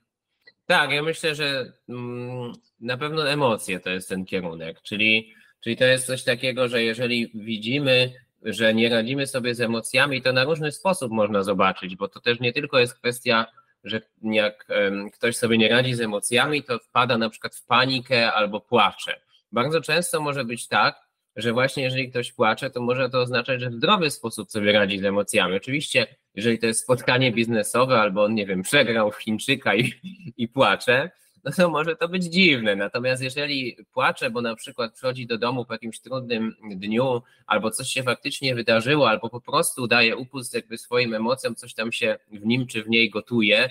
i, i jakby to się manifestuje płaczem, często nie ma w tym nic nienormalnego bardziej nienormalne jest tłumienie i wypieranie tych emocji. Jeżeli czujemy, że dużo robimy w życiu, żeby, żeby nie czuć, to jest to według mnie bardzo dobry sygnał, żeby iść na terapię. A co to robimy, żeby nie czuć? Ano często różne rzeczy, czyli na przykład prokrastynacja jest trochę tym, że chcemy nie czuć. Uciekanie w stymulację różnego rodzaju to jest robienie czegoś, żeby nie czuć często tworzenie jakiejś narracji w głowie i podążanie usilnie za tymi narracjami to jest też coś robienia, jakby robione po to, żeby nie czuć. Więc jeżeli uciekamy od emocji na różne sposoby, no to często sygnał, że warto by było się temu przyjrzeć właśnie ze specjalistą, czyli z terapeutą. I też myślę, że jeżeli powielamy jakiś błąd e, wiele razy, na przykład wiedząc logicznie, że coś jest złe albo dla nas niekorzystne, to mimo tego robimy to kolejny i kolejny raz, to często to może być też sygnał, że warto popracować z terapeutą, bo może to być e, przejawem albo konfliktu wewnętrznego, albo może być to przejawem tego, że nasze emocje tak naprawdę jakby czegoś nie zrozumiały. No czyli de facto też to jest konflikt wewnętrzny, tylko trochę inaczej ujęty z innej perspektywy, ale że jakby logicznie coś wiemy, ale emocjonalnie reagujemy według czegoś zupełnie innego. Czyli na przykład wiemy to, że ta ocena innych ludzi nie ma specjalnego znaczenia, o ile to nie są osoby, które bezpośrednio na nasze życie wpływają, a jednak panicznie się jej boimy, no to też to może być taki sygnał właśnie pójścia na terapię, bo, e, bo to może e, nas jakoś odblokować i możemy tam zauważyć, że dzięki temu, dzięki tej pracy możemy zrozumieć, dlaczego powierzchownie, logicznie coś uważamy za prawdę, a wewnętrznie głęboko e, zachowujemy się zupełnie inaczej. Ja, ja, bym to tak, ja bym to tak widział. Natomiast, żeby przybliżyć trochę słuchaczom temat tej psychoterapii, to może zastanówmy się nad tym, albo może powiedzmy, bo to wiemy, więc możemy po prostu się tym podzielić, co się robi na takiej psychoterapii, bo to jest często pytanie, które słyszę, e, że mam jakieś wyobrażenia, może czasami takie filmowe, jak to wygląda, które według mnie mają niewiele wspólnego z tym, jak to wygląda faktycznie, więc może przybliżmy, mm, co się robi po prostu na takiej terapii. O kurczę, to też szeroki temat bo jest wiele rzeczy. Postaram się teraz tak jakoś to prześledzić swój tok myśli. Od czego bym zaczął? No przede wszystkim na pewno na terapii mamy tą szansę, żeby ujawnić pewne swoje sposoby myślenia. Tak bym nawet zaczął od tego. Czyli po prostu jesteśmy w stanie wyciągnąć na powierzchnię pewne przekonania i ktoś, kto jest wykwalifikowany i rozumie, jak działa struktura naszego umysłu i że nasze myślenie będzie potem wpływało na to, jak się czujemy, jak, na to, w jaki sposób działamy, będzie w stanie w jakiś sposób dopytać o pewne rzeczy, albo pokazać nam pewien kierunek, albo nową perspektywę, która sprawi, że będziemy w stanie zmienić to myślenie. Takie rzeczy chociażby można robić na terapii, czyli jesteśmy w stanie skonfrontować swój stan obecny, to w jaki sposób zachowaliśmy się obecnie, to w jaki sposób myślimy obecnie, z nieco inną perspektywą, pod wpływem której będziemy w stanie naszą perspektywę zmienić. Po dwa, jesteśmy w stanie w bezpiecznej przestrzeni otworzyć się na pewne emocje, których do tej pory z jakichś względów nie pozwalaliśmy sobie odczuwać, e, skonfrontować się z nimi w bezpiecznym środowisku i e, w najlepszym wypadku przeżyć je po prostu w pełni lub w jakiś sposób e, zaadoptować się do nich, czyli przyzwyczaić się do nich w taki sposób, że w kontekstach, których do tej pory były problematyczne albo były potrzebne, a nie mieliśmy do nich dostępu, nagle się tam pojawią, ponieważ często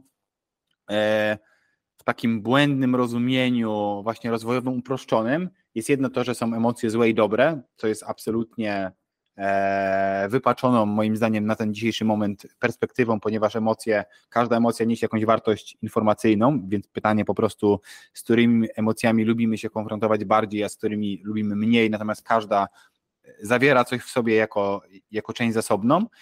jak również metody wyrażania tych emocji, bo może być tak, że ktoś na przykład nie ma problemu z tym, żeby przeżywać złość, ale jakby metoda, w jaki sposób wyraża tą złość, jest kompletnie dysfunkcyjna dla jego otoczenia i dzięki temu, że pójdzie na terapię, będzie w stanie zrozumieć, po pierwsze, z czego ta emocja u niego wynika, czyli co ją powoduje, a po dwa, znajdzie jakieś bardziej e, przyjazne dla środowiska i nazwijmy to ekologiczne e, metodologie pracowania z tą emocją i samym sobie, czyli można powiedzieć, że, że na terapii przede wszystkim mamy szansę poznać trochę siebie, skonfrontować się z jakąś nieco inną perspektywą, jak również w bezpiecznych warunkach e, popracować nad e, naszymi emocjami, z którymi do tej pory e, mieliśmy problem. Natomiast mm, jestem ciekawy Twoich wglądów, bo ja patrząc po tym, co teraz mówię, bardziej sugerowałem się tym, co mi najbardziej pomogło i co jakby, jak wyglądała moja terapia, aniżeli jako taki generalny wzorzec. No ja też raczej będę się skupiał na tym, co mm, mi dała moja terapia, bo ja jeżeli chodzi o jakąś taką wiedzę specjalistyczną, to taką szkołę dopiero zaczynam, więc y, nie mam jeszcze zbytniej wiedzy. No oczywiście czytam o tym dużo, więc, więc mógłbym coś powiedzieć, ale to bardziej będzie perspektywa moja. Więc y, wydaje mi się, że na pewno kluczowym elementem jest rozmowa właśnie, czyli to, to tak naprawdę chyba, że to jest terapia jakaś bardzo skoncentrowana na przykład na ciele albo na odmiennych stanach, ale zazwyczaj nawet one też się zaczynają od rozmowy, żeby się w ogóle przygotować do, ewentualnie do tej zasadniczej części, jeżeli ona y, jest jakaś specyficzna, no to wtedy i tak jest na początku rozmowa. I ta rozmowa często prowadzi do tego, żeby ocenić, y, znaczy nie tyle może ocenić, co dowiedzieć się, terapeuta chce się dowiedzieć, z czym e, klient do niego przychodzi. I tutaj bardzo często jest taki opis e, tego, co się dzieje, Natomiast kluczowe jest tutaj z, perspektywy, wydaje mi się, terapeuty, jakby całego tego procesu, to jest istotne, żeby jakby podążać takimi dwiema ścieżkami. Czyli jedna ścieżka to jest taka, żeby um, widzieć to, co się faktycznie dzieje, a zauważać jednocześnie, że za tym równolegle idzie jakaś interpretacja tego klienta. I absolutnie nie chodzi tutaj o to, żeby to negować, że jak klient coś myśli, to to jest złe i tak dalej, tylko żeby zauważać, że jednocześnie dzieją się rzeczy na poziomie takim praktycznym, gdyby była kamera zainstalowana i by podążała za tym klientem, zakładając, że on też mówi prawdę, bo to jest inna rzecz, ale no powiedzmy z takiej perspektywy, no to jakby co by ta kamera zarejestrowała, a z drugiej strony jak on o tym mówi, dodając do tego pewne swoje interpretacje, przekonania i mówiąc o tym w emocjach. I teraz y, to, co mnie często właśnie pomagało, jak, jak terapeuci mnie konfrontowali z tym, że y, pewne rzeczy się wydarzyły faktycznie i można by to było zarejestrować jako coś, co kamera by mm, sfilmowała, a z drugiej strony, ile ja dodałem do tego, swoich interpretacji, swoich ocen, swoich jakichś przypuszczeń, co na przykład ludzie na ten temat myślą i tak dalej, i tak dalej. I za tym bardzo często szły emocje. I te emocje, tak jak ty mówisz właśnie, że nie są negatywne, tylko one są takim wskaźnikiem tego, że coś się pojawiło, że, że możemy na przykład mieć emocje w postaci złości, że nasze granice zostały szarpnięte, ale może często się okazać, że to jest tylko i wyłącznie nasza interpretacja, że wcale tak się nie wydarzyło, tylko przez to, że my pomyśleliśmy o, o kimś w jakiś sposób, no to stwierdziliśmy, że on tylko spiskuje przeciwko nam albo na przykład zrobił dla nas coś złego. I często y, konfrontowanie tej jednej ścieżki, czyli takiego, jak to czasem mówię, operowania na niskim poziomie abstrakcji, czyli na tych faktach i tym, co się dzieje, a konfrontowanie z tego z wysokim poziomem abstrakcji, czyli tego, co ja zinterpretowałem, to jest często duża część terapii bo tak naprawdę zauważenie, jaki jest rozjazd często między jednym a drugim, pozwala zidentyfikować, gdzie po prostu się mylimy i gdzie nasze, może nie tyle mylimy, choć można by to tak uprościć, ale gdzie nasze przekonania są po prostu y, nieskuteczne, dysfunkcyjne i po prostu nieprawdziwe. Ale czasem też się na terapii dochodzi do jakiegoś takiego momentu, że dochodzimy do emocji, która jest, od której się ucieka i przeżycie jej właśnie, tak jak ty powiedziałeś, w takich bezpiecznych warunkach może pozwolić zaprzyjaźnić z tą emocją, bo często to, co jest najbardziej straszne, to nie ona sama, ale te wszystkie mechanizmy dookoła niej, które wybudowaliśmy i lata uciekania od niej, czy lata, czy miesiące, pytanie, jak długo tam ktoś to robił. I to powoduje, że to, ta konfrontacja może być bardzo trudna, a jakby terapeuta jest osobą, która tworzy bezpieczne środowisko razem z nami, wchodząc w pewną relację, i dzięki temu jesteśmy w stanie tą emocję przeżyć jednocześnie wyrazić siebie i zrozumieć być może, co za tym jeszcze stało, i później na nowo zbudować swój świat, już mając na uwadze, że pewne rzeczy zostały uwolnione, już nie trzeba się tak bardzo skupiać nad, e, na uciekaniu od, od pewnych emocji i budowaniu narracji, które na przykład um, służą temu, żeby tak naprawdę jej nie, nie odczuwać. E, więc to jest taka jedna perspektywa. Myślę, że można podać też inne, już nie będę tutaj dodawał, ale ale na pewno ważnym elementem jest ta rozmowa i, i ta konfrontacja z tym w łagodny oczywiście sposób, tak, żeby to nie było na zasadzie, o Boże, jak ty możesz, bo tak to nie wygląda na terapii, żeby było jasne, e, że, że, że terapeuta mówi, o Jezu, ale tutaj błędne przekonanie, a to jakie głupie, a to nie, tak nie jest, tak dalej. Przeważnie nie, przeważnie albo praktycznie zawsze, jak ja się spotkałem, bo też nie chcę powiedzieć, że wszyscy terapeuci są tacy sami, ale wszyscy, wszyscy, z którymi ja się spotkałem, konfrontowali z tym łagodnie, po prostu zauważali, czy mi to służy, zadawali pytania, czy tak uważasz, że rzeczywiście jest, czy to jest e, w pełni Twoje przekonanie, może ono pochodzi od kogoś innego i tam często jest też eksploracja tego, skąd się w ogóle przekonania w nas wzięły. Więc e, na pewno dobrą bardzo stroną i korzystną terapii jest to, że to jest często jedyne miejsce, w którym możemy być tak naprawdę szczerzy sami ze sobą, bo inni ludzie, nawet jeżeli chcą dla nas dobra, to często mogą nie rozumieć złożoności tego, co się u nas dzieje, a terapeuta jest do tego specjalnie przygotowany i jeżeli on tylko ma dobrą postawę i zbudował relację, to wtedy możemy przed nim być szczerzy, a tak naprawdę po to, żeby być w końcu szczerymi z samym sobą. Tak ja to widzę. A co uważasz o tym, że psychoterapia, jakby przynajmniej ja, jak jeszcze pamiętam, była taka łaska przypisana, że psychoterapia to jest dla jakichś ludzi chorych, że kogoś, kto ma jakieś poważne problemy i ten, kto idzie na psychoterapię, to musi mieć jakiś większy problem, że tam poszedł i to znaczy, że coś z nim jest nie tak. Tak, ja przynajmniej jak jeszcze pamiętam, 10 lat temu taka była łatka. Teraz szczerze mówiąc ciężko mi to określić, bo tak mi się zmieniły już grupy społeczne, w których jestem, że jakby terapia jest powszechna i, i, czasem, czasem też się na tym łapię, czy, czy to ja zmieniłem na tyle środowisko, że tam jest inna perspektywa, natomiast przynajmniej w Polsce, jak pamiętam, była trochę taka łatka, że, że psychoterapia to jest takich tam ludzi ciężko chorych i tyle. I co ty o tym sądzisz, jakby o tym koncepcie?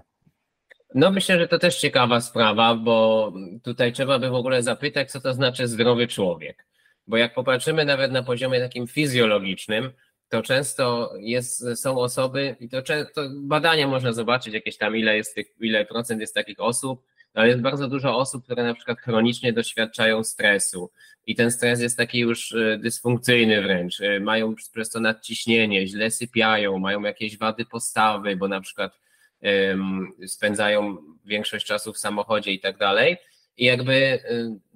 chodzą dalej do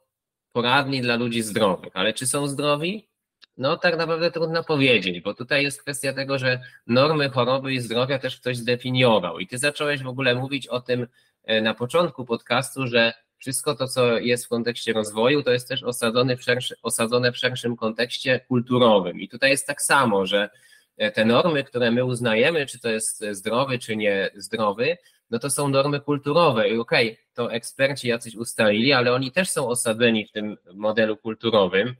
i tak naprawdę można by się zapytać, czy to, że ktoś załóżmy ciągle doświadcza jakiegoś poczucia frustracji, że jest, ma poczucie tego, że jest gorszy od innych na przykład, albo z drugiej strony ma poczucie, że musi cały czas pokazywać innym, że jest lepszy od nich, ciągle się porównuje, e, ciągle czuje, że było, byłby szczęśliwy tylko gdyby miał fury pieniędzy, a i to też nie wiadomo i że w ogóle świat jest zły i wszystko jest nie takie, no to pytanie, czy taka osoba jest tak naprawdę zdrowa. Nie? I ja bym, ja bym o, to, o, o to przede wszystkim jakoś zahaczył tą swoją odpowiedź, że, że te normy, co my uważamy za zdrowe, według mnie często wcale nie oznaczają zdrowia psychicznego, bo, bo większość z nas ma jakieś takie schematy albo żyje w taki sposób, który nie wskazuje wcale na to, żeby się zdrowo relacjonować właśnie z emocjami, dbać o siebie, tak naprawdę kochać siebie, bo to jest miejsce, z którego potem można też innym dawać wartość.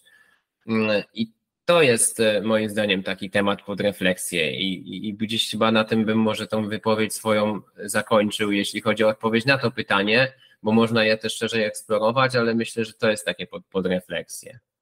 Jestem też ciekaw, co ty myślisz. Znaczy dla mnie tu jest jeden taki triki, taki jedna rzecz, która jest bardzo, będzie subiektywna i będzie bardzo istotna, czyli to, na jaki poziom standardów i szczególnie standardów emocjonalnych w życiu sobie pozwalamy, bo często może być tak, albo to są typowo moje doświadczenia, natomiast jestem skłonny nawet pójść w tą stronę, że to raczej jest taki schemat społeczny, że przynajmniej osoby, które ja widziałem, które najbardziej oponowały terapii, że w sensie im bardziej ktoś mówi, że terapia jest dla ludzi chorych, że to jakiś nie całkowicie ludzi pomylonych w głowie, którzy się mylą, tym niższe ta osoba ma standardy emocjonalne i tym bardziej tego potrzebuje. Ja przynajmniej taką zauważyłem korelację, czyli że osoby, które na pierwszy rzut oka uważam, że gorzej sobie radzą e, w społeczeństwie, czyli mają mniej pieniędzy, gorzej sobie radzą z otoczeniem, mają mniej znajomych, mają mniej głębokich relacji, nie wiem, mają dużo skoków emocjonalnych, takie amplitudy emocjonalne, to zazwyczaj te osoby najbardziej oponują. Jak ktoś już mówi, że terapia jest ok, to zazwyczaj albo z niej już korzysta i zazwyczaj już jest na dobrym poziomie, czyli jest na takim poziomie, gdzie radzi sobie dobrze w życiu, ale wyciąga z niej więcej. Ja nawet mam te, takie, takie podejście, że uważam, że na pewnym poziomie już nie musiałbym tego używać, poradziłbym sobie z większością rzeczy, bo mam pewne schematy, ale dla mnie to jest trochę jak trener personalny. To jest trochę tak, jakbyśmy zakładali, że idąc na siłownię, trener personalny jest tylko dla osób, które nie umieją ćwiczyć, nigdy tego nie robiły, albo z jakiegoś względu, nie wiem, nie umieją sobie doszukać informacji, jak to robić. A wręcz ja zauważyłem, że im sportowiec jest na wyższym poziomie, tym więcej ma trenerów, bo znam zawodników profesjonalnych, którzy są zawodowcami nawet i mają trenerów, nie wiem, od motoryki, od, mają dietetykę osobno, mają osobno trenera od przygotowania fizycznego. No i teoretycznie trener od przygotowania fizycznego też mógłby im poukładać dietę, no bo jakoś to zrobił. Jak zacząłem z nimi rozmawiać, czemu tak robią, to stwierdzili, że po pierwsze jest to maksymalizacja efektywności, a dwa, że maksymalizacja czasu. I ja tak samo trochę patrzę na terapię, że zwrot z inwestycji z terapii jest ogromny, bo oczywiście mógłbym sobie pewne rzeczy dalej układać samemu w głowie, ale wolę za to zapłacić, skorzystać z perspektywy drugiej osoby, żeby ona z boku spojrzała na moje schematy, żebym omówił, dała mi nową perspektywę. Ja często mówię, aha, i na przykład coś wdrażam. Jakbym miał problem, żeby coś wdrażać, to też ta osoba może mi pomóc i zrobię to po prostu szybciej. I to tak samo jak sportowiec, który jest na pewnym poziomie, on większość ćwiczeń wykonuje dobrze, ale po pierwsze, da mu to pewnego rodzaju motywację, czyli uważam, że bardzo ważnym czynnikiem, który będzie występował w terapii, który na mnie też już działa, to jest pewnego rodzaju takie zobowiązanie, że czuję trochę wewnątrz, że jednak robię coś i chcę robić jakiś progres, czyli działa to na mnie pod kątem motywacji, że jakbym tego nie miał, to mógłbym to odkładać w czasie i w ogóle tego nie robić, a po dwa czasem te detale są ważne, bo potem one zaprocentują bardzo mocno w życiu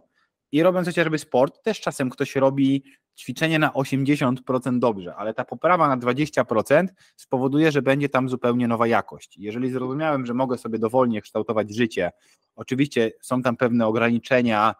e, ekonomiczne, ograniczenia mojego ciała, ograniczenia kulturowe, ale powiedzmy, że ten potencjał jest zazwyczaj dużo większy niż przeciętny człowiek zakłada, to zwrot z inwestycji, jaką daje terapia i to, że ktoś może mi pomóc w tym procesie jest tak przeogromny, że tutaj widzę po prostu największy potencjał, e, bo to, co ty też powiedziałeś, co wspomnieliśmy, że często mało kto mógłby ocenić, czy ktoś się dobrze zachowuje, czy nie, no czasem w sytuacjach rodzinnych, czyli w sytuacjach rodzinnych byłoby tak, że na przykład rodzina chce kogoś wysłać na terapię, bo jest to pewnego rodzaju grupa ludzi, która e, będzie chciała ciągle przebywać razem. Zazwyczaj osoby, które mają jakieś problemy, a ich nie widzą, to skutkuje to po prostu tym, że ich otoczenie, ich środowisko nie chce z nimi na pewnym etapie utrzymywać relacji i zmieniają oni po prostu to środowisko, bo z tamtym z jakiegoś względu nie mogli się dogadać. I to może trwać naprawdę bardzo długo, aż do momentu, kiedy ktoś sam sobie zda sprawę z tego, że jest tam jakiś problem i coś można poprawić, lub ta druga część, która uważam jest bardziej taka e, zwodnicza, czyli taka, która powoduje, że nie znamy, jak to jest lepiej. Czyli jeżeli ktoś cały czas miał jakieś wzorce emocjonalne i dla osoby, która zdrowo przeżywa emocje, zdrowo wyraża emocje, umie o nich rozmawiać, ma, bym powiedział, poukładane pewne schematy i życie jest na, na wysokim poziomie satysfakcji z tego życia i szczęścia, e, będzie to po prostu dostrzegała, bo będzie widziała, jak duży dysonans jest pomiędzy jednym życiem a drugim, a osoba będąca w takim bagnie, nazwijmy to emocjonalnym, w takim niskim poziomie przeżywania emocji i takiej niskiej higieny emocjonalnej, może w ogóle nie rozumieć tego, że jest jakiś inny świat i może być lepiej. I to uważam może być taką wstępną przeszkodą. Natomiast ja raczej psychoterapię zalecałbym każdemu, bo nawet jeżeli nie wyjdziemy z założenia, że są jakieś problemy u nas, to zawsze ona w pewien sposób wykwalifikowany terapeuta pozwoli lepiej odkryć siebie, zrozumieć siebie, zrozumieć swoje wartości, a to będzie wpływało na to, że oszczędzimy bardzo dużo czasu przy planowaniu naszego życia e, i będziemy to robić efektywniej i nie będziemy po prostu tracić czasu często na rzeczy, które robiliśmy z jakichś powodów, nie do końca rozumieliśmy dlaczego. Zabierały nam one zasoby, czyli pieniądze, energię i czas i to będziemy w stanie robić dużo bardziej, e, dużo bardziej efektywnie. E, natomiast to jeszcze o co chciałbym Cię zapytać dzisiaj, tak myślę, że to jedno z ostatnich pytań, które tutaj by mi pasowało, to to, jaki nurt wybrać, bo teraz rozmawiamy o terapii, że to jest pewien sposób pracy nad naszymi przekonaniami, nad emocjami, e, zdobywanie nowych zasobów, kształtowanie naszej osobowości. Natomiast metodologii pracy będzie wiele, jest mnogość tych metodologii. I czym, czym ty byś się kierował, albo jakie byś dał wskazówki dla osób, które chciałyby z tego skorzystać? Jakim e, nurtem, jaką metodologią e, pracować?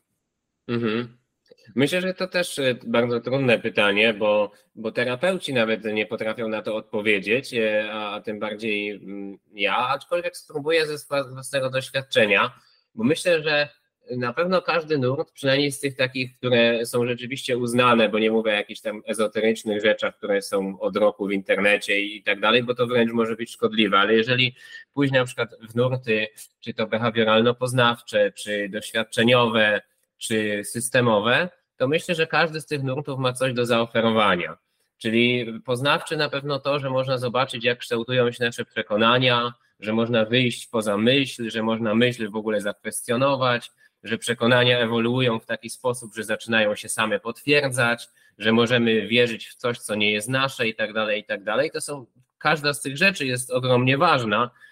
jeżeli się zastanowimy nad tym, jaki to ma wpływ na nasze życie. Więc y, behawioralnie, behawioralno-poznawcza ma na pewno duży potencjał. Natomiast nurty doświadczeniowe uważam, że też mają ogromny. Mnie bardzo dużo dała na przykład praca z ciałem, e, gdzie mm, doświadczamy typowo emocji. Często też doświadczamy emocji w relacjach z innymi ludźmi, na przykład na takiej terapii grupowej. I dzięki temu jesteśmy w stanie się skonfrontować, zmierzyć z tym, tak naprawdę doświadczyć czegoś, bo często można długo pracować nad przekonaniami, ale jeśli tak naprawdę, jak ty kiedyś powiedziałeś, e, że emocja jest strażnikiem przekonania czasem. I tak bywa, że rzeczywiście, jeżeli jakaś emocja nie zostanie w pełni przeżyta w bezpiecznych,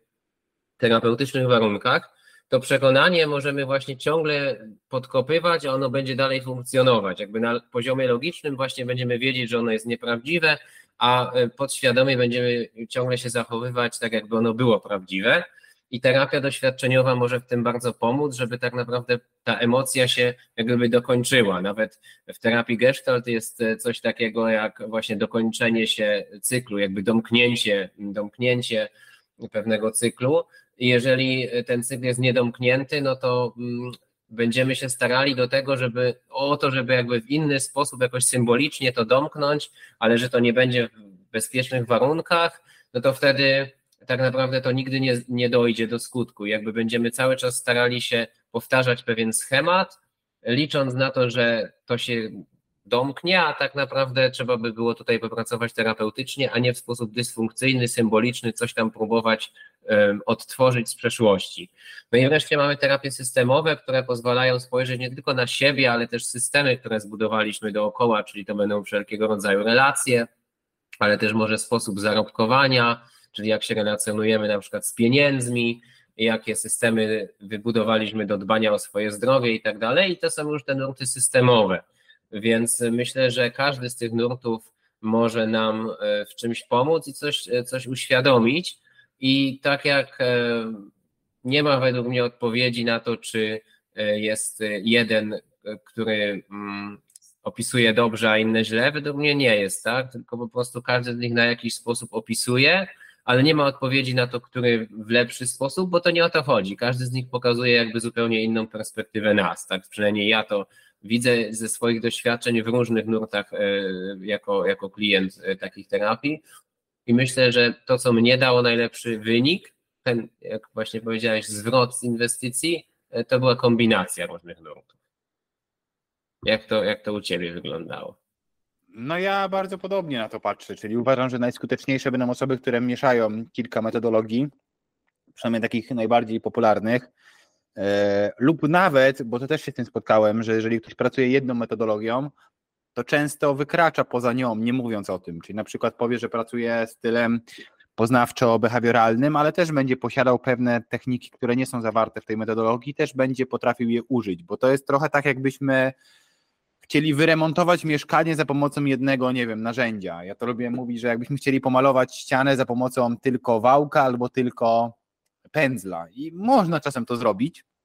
tylko pytanie, czy warto, bo to po prostu zajmie dużo czasu, to po pierwsze, czyli ja bym patrzył na skuteczność y, przy, przy wyborze, ale nie znamy tej skuteczności, zaczynamy pierwszą terapię, więc patrzyłbym bardzo, czy terapeuta rozumie nasz problem, bo czasem może być tak, że to nie chodzi nawet o nurt, tylko o to, czy ktoś rozumie nasz problem, bo też to dziś wspomniałem dzisiaj, że czasem ja znam też osoby, które nie są wykwalifikowane, na przykład nie są po studiach psychologicznych i wcale uważam, że studia psychologiczne mocno nie przygotowują do pracy z ludźmi, tylko mają dużo doświadczeń na przykład z pracą z danym typem klientów. I to często mnie przekonywało bardziej, aniżeli nawet kto jakim nurtem pracuje, e, a jeżeli już miałbym wybrać, to jest raczej synteza właśnie i połączenie kilku, bo mając taki arsenał narzędzi, którymi możemy popracować, to w niektórych przypadkach one będą po prostu lepiej działać, bo czasem będzie trzeba komuś zalecić pracę z ciałem. I teraz jakby podszedł do tego, podeszła do tego osoba, która zajmuje się, nie wiem, NLP typowo i by próbowała nam zmienić, przekotwiczyć doświadczenie, zmienić jego kinestetykę, jakie odczuwamy w ciele, to może to po prostu trwać w nieskończoność, nie przynosić efektów i w niektórych aspektach warto zastosować inną metodę, Więc nie ma na to, uważam, złotej odpowiedzi, też nie chcę promować żadnego systemu. E, jakbym już miał coś wypromować, to właśnie to, co powiedziałem, czyli żeby terapeuta w miarę rozumiał istotę problemu, na czym on polega i miał już wcześniej z nim do czynienia, bo to prawdopodobnie będzie najbardziej po prostu pomocne. Nie wiem, czy chcesz coś jeszcze do tego dodać. No, generalnie zgadzam się z tym, co, co powiedziałeś, jakby i w tym pytaniu, i, i tak naprawdę całościowo. Myślę, że tutaj mm, bardzo podobne są nasze doświadczenia, chociaż inne w sensie takim, że mieliśmy różne przeżycia, różne, różną drogę, a doszliśmy w sumie, mam takie poczucie, do podobnych wniosków. No i cóż, myślę, że pomału nam ten podcast e, dobiega e, do końca. Fajne tematy dzisiaj poruszyliśmy. Mam nadzieję, że to też będzie ciekawe dla naszych słuchaczy. Także dawajcie nam znać e, też na maila albo prywatnie, czy to było wartościowe i co można by było jeszcze poprawić, zmienić, czego, jakie tematy jeszcze byście chcieli, bo ten temat jest odpowiedzią de facto na to, czego wy potrzebowaliście. Wyszło to od was i super, że tak jest i, i liczymy na więcej. No szybko poszło, szczerze mówiąc. Nawet nie wiem, gdzie ten tapu, te półtorej godziny nam uciekło, bo fajnie się naprawdę rozmawiało. Fajnie też może wrócić po jakimś czasie, tak. podsumować. No i tak jak powiedział Piotrek, mamy nadzieję, że to będzie w jakiś sposób dla Was pomocne. I też kierując się trochę tym, o co mówiliśmy o influencerach, staramy się czasem, jak nie jesteśmy w stanie dać pewnych odpowiedzi, to ich nie dajemy. I po prostu na tym polega rozwój, że niektórych pytań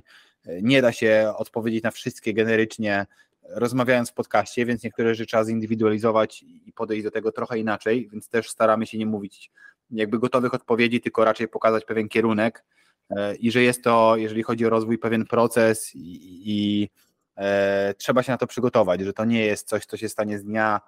na dzień, tylko często jest to pewnego rodzaju rozłożony w czasie, krótszy lub dłuższy, ale jest to gdzieś rozłożony w czasie proces, e, którym warto zawsze podążać, bo mówię, jakbym nawet na to patrzył, a doświadczałem różnych rzeczy w życiu, to zwrot inwestycji, jeżeli chodzi o taką pracę wewnętrzną nad sobą, jest naprawdę ogromny, bo nasz potencjał jest po prostu wielki i e, dzięki temu jesteśmy w stanie go realizować i po prostu zwracać wielokrotnie, a, a jeszcze dodatkowo mieć bardzo wysoką jakość tego naszego życia. Także ja również Wam dziękuję serdecznie za wysłuchanie. E, zachęcamy oczywiście, żeby przesłuchać poprzednie odcinki i miejmy nadzieję też następne, które się będą tutaj pojawiały.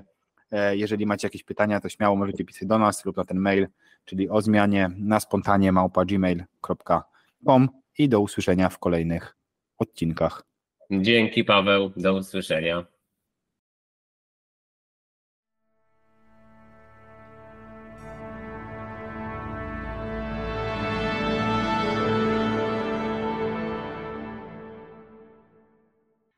O zmianie na spontanie